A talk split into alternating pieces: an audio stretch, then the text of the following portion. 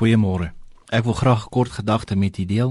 En die skriflesing vandag is uit Maleagi 4 en dit is die heel laaste versie in die Ou Testament. En hy sê en hy sal die hart van die vaders terugbring tot die kinders en die hart van die kinders tot hulle vaders. Ek wil vandag vir u vra. Moenie ophou bid vir jou kinders of vir jou ouers nie. Dit is 'n geleentheid wat ons het om hulle aan God op te dra. Partykeer sê 'n mens ek bid nou al so lank, ek weet nie of dit gaan werk nie. Dit voel of ek teen die dak vasbid en ek hou net aan bid en my kind of my ouer of my vriend of vriendin, hulle wil net nie regkom nie. Maar ek wil vandag vir jou sê, God is gister, vandag tot in ewigheid dieselfde. Hy is die God van Abraham, Isak en Jakob gewees en selfs vandag nog is hy die God van generasies. En God wil hê dat ons ons generasies moet oprig. God wil hê dat ons verantwoordelikheid moet neem oor ons generasies wat God vir ons gegee het, ons kinders, ja, selfs ons ouers. Sodat ons 'n patroon kan vaslê in hierdie wêreld. En ek wil vir julle sê, volhard in gebed en vertrou God dat hy 'n deurbraak sal bring soos wat u voorvra.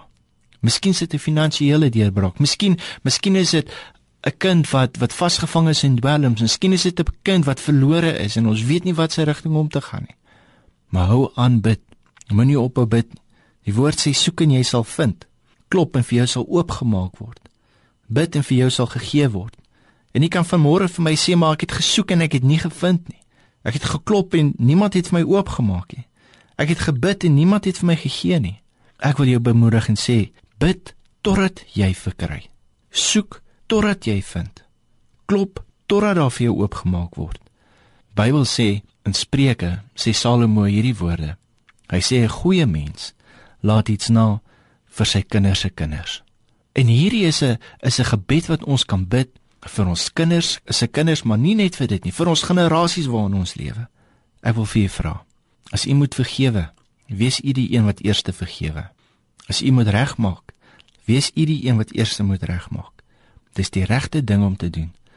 En kom ons vertrou God vir 'n deurbraak in ons generasies. Kom ons vertrou God vir 'n deurbraak in ons gesinne. Kom ons vertrou God en ons volhard totdat die deurbraak kom. In Jesus naam. Amen.